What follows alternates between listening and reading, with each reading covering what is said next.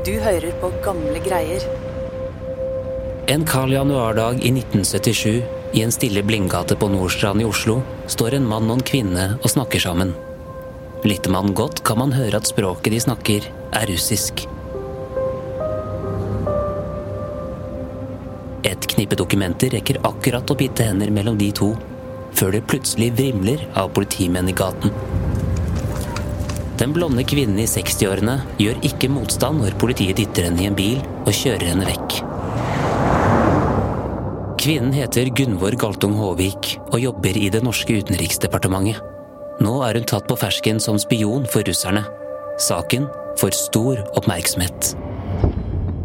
Ja, det er nå klart at den arresterte er fullmektig Gunvor Galtung Håvik, 64 år gammel, tilsett som kontordame i Handelspolitisk avdeling i Utenriksdepartementet. Hun ble arrestert i Oslo i går, da hun hadde et møte med attaché ved den sovjetiske ambassaden, Aleksandr Prinsipalov. Når etterforskningen skrider fram, blir det klart at den høyt betrodde medarbeideren i 27 år har vært spion for den sovjetiske etterretningstjenesten KGB uten å bli tatt. Enda norsk etterretning har vært på sporet av henne flere ganger.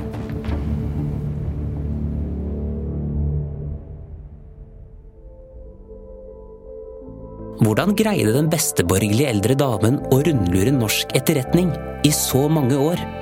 Og ikke minst, hvorfor i alle dager gjorde hun det?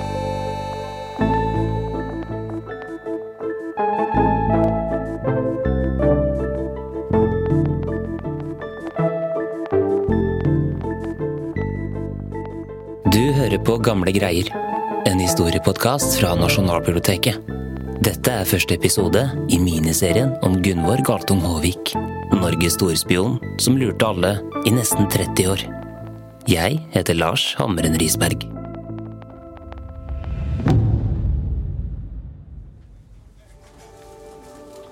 Året er 1944.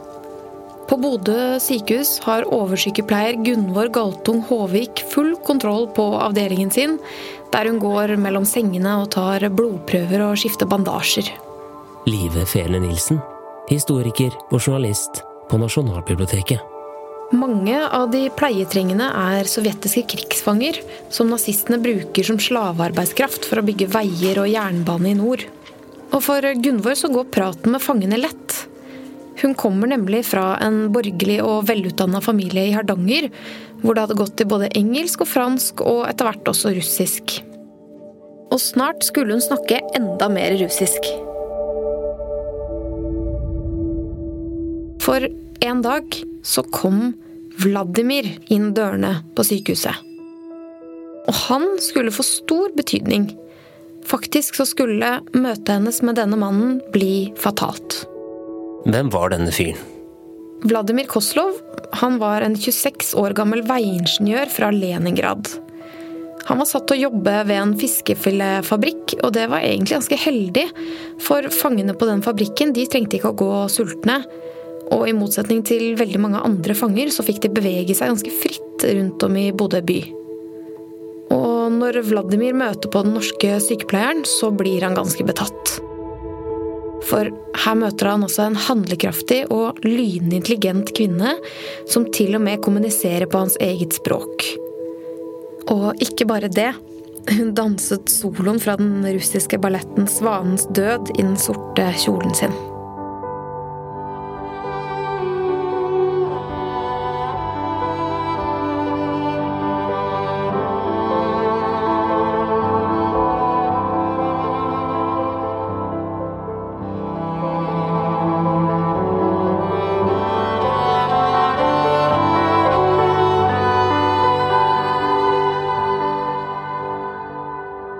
Og Gunvor på sin side hun blir fort veldig opptatt av denne skarpe og reflekterte unge mannen.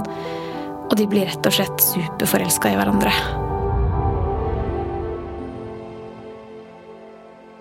Men alle krigsfanger var jo under tyskernes kontroll og ble nøye passa på.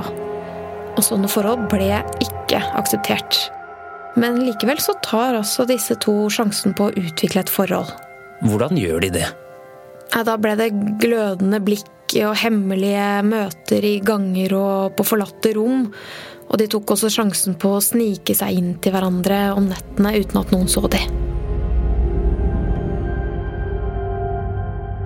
Men selv om Vladimir hadde det forholdsvis greit i forhold til andre krigsfanger, så begynner han etter hvert å bli ganske utålmodig med dette livet som krigsfange i Bodø. Han vil rømme, og Gunvor, hun vil gjerne hjelpe. Og sammen så setter de seg ned og begynner å planlegge. Og dette innebærer jo en stor risiko for dem begge. Ja, det var det. Altså, Hvis han ble tatt, så kunne han jo i verste fall bli skutt. Men likevel, like etterpå, så snek Vladimir seg ut av leiren sammen med to andre krigsfanger og begynte på reisa mot grensa til Sverige.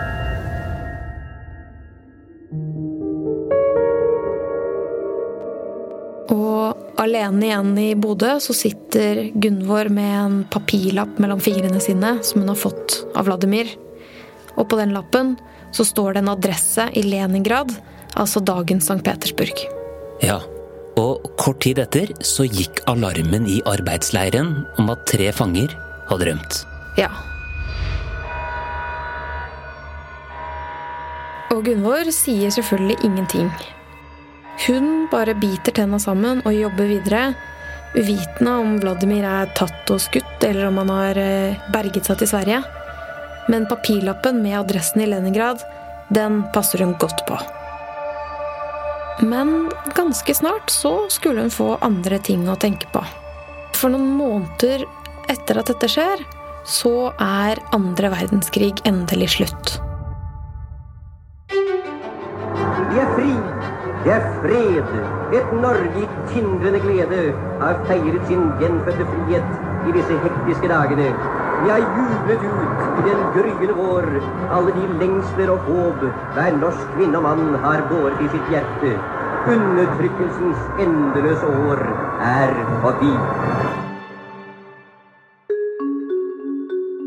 Nå var det plutselig helt andre arbeidsoppgaver som Gunvor måtte ta fatt på. Det var 40 000 tidligere krigsfanger i Nordland som var fullstendig utslitt og utsulta, og som hadde levd under helt forferdelige forhold, som trengte hjelp. De trengte mat og medisiner, og de trengte organisering fram til man fikk ordna med transport tilbake til landet som de kom fra. Og rundt omkring i de forskjellige leirene, mellom brakker og telt, så gikk oversykepleieren fra Odda, som kunne snakke engelsk, fransk og russisk, og ordnet opp. Og det gjorde hun så godt at det ble lagt merke til. Og en av de som la merke til henne, det var den daværende fiskeriministeren Reidar Karlsen.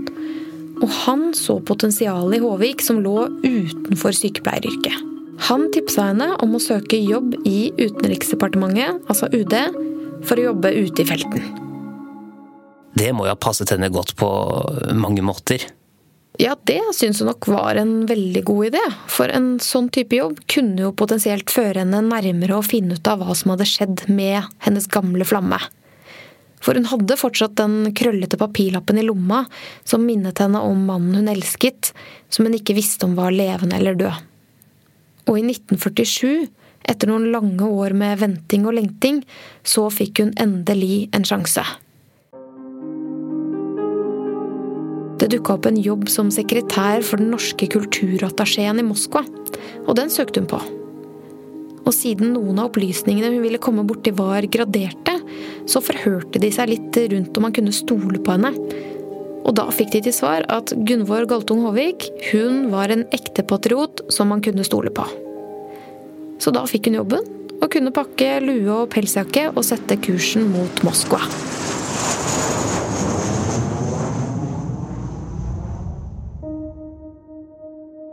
Men det ble raskt klart for henne at oppholdet ikke skulle bli helt sånn som hun hadde håpa på.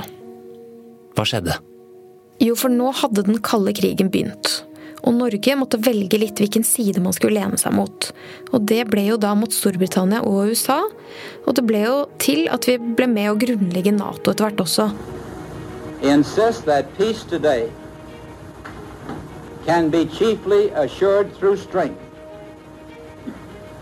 Our combined military strength and economic strength.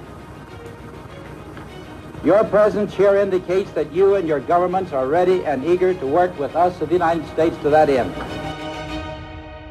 Og forholdet mellom Norge og Sovjet, som egentlig hadde vært ganske godt, det ble veldig fort ganske dårlig. Håvik hun elsket jo russisk kultur og det russiske folk, så hun syntes nok at det her var ganske trist. Og det gikk jo direkte utover den nye jobben hennes også, for nå ble det plutselig oppdaget små mikrofoner under gulvet og i møblene på den norske ambassaden med jevne mellomrom. Og KGB-agenter begynte å sirkle rundt alle de vestlige folka som jobba på ambassadene. Og da ble det jo vanskeligere å få sjekket adressen som eh, Vladimir hadde gitt henne. Ja, hun visste jo fortsatt ikke hva som hadde skjedd da Vladimir flyktet, og om han i det hele tatt fortsatt levde. Og det var veldig vanskelig for henne å finne et påskudd for å dra dit og sjekke. Og det var jo heller ikke sånn at hun kunne si høyt at hun skulle reise tilbake til sin gamle flamme fra krigen. Da ville hun jo risikere jobben sin. Men så løsnet det.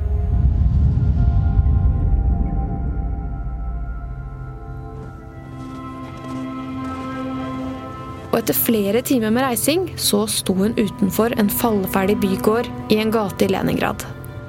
Og hun sjekket at adressen på bygården var den samme som på lappen hun hadde i lomma.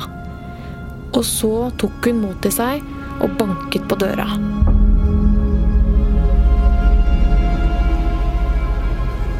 Endelig skulle hun få vite hva som hadde skjedd med hennes gamle flamme.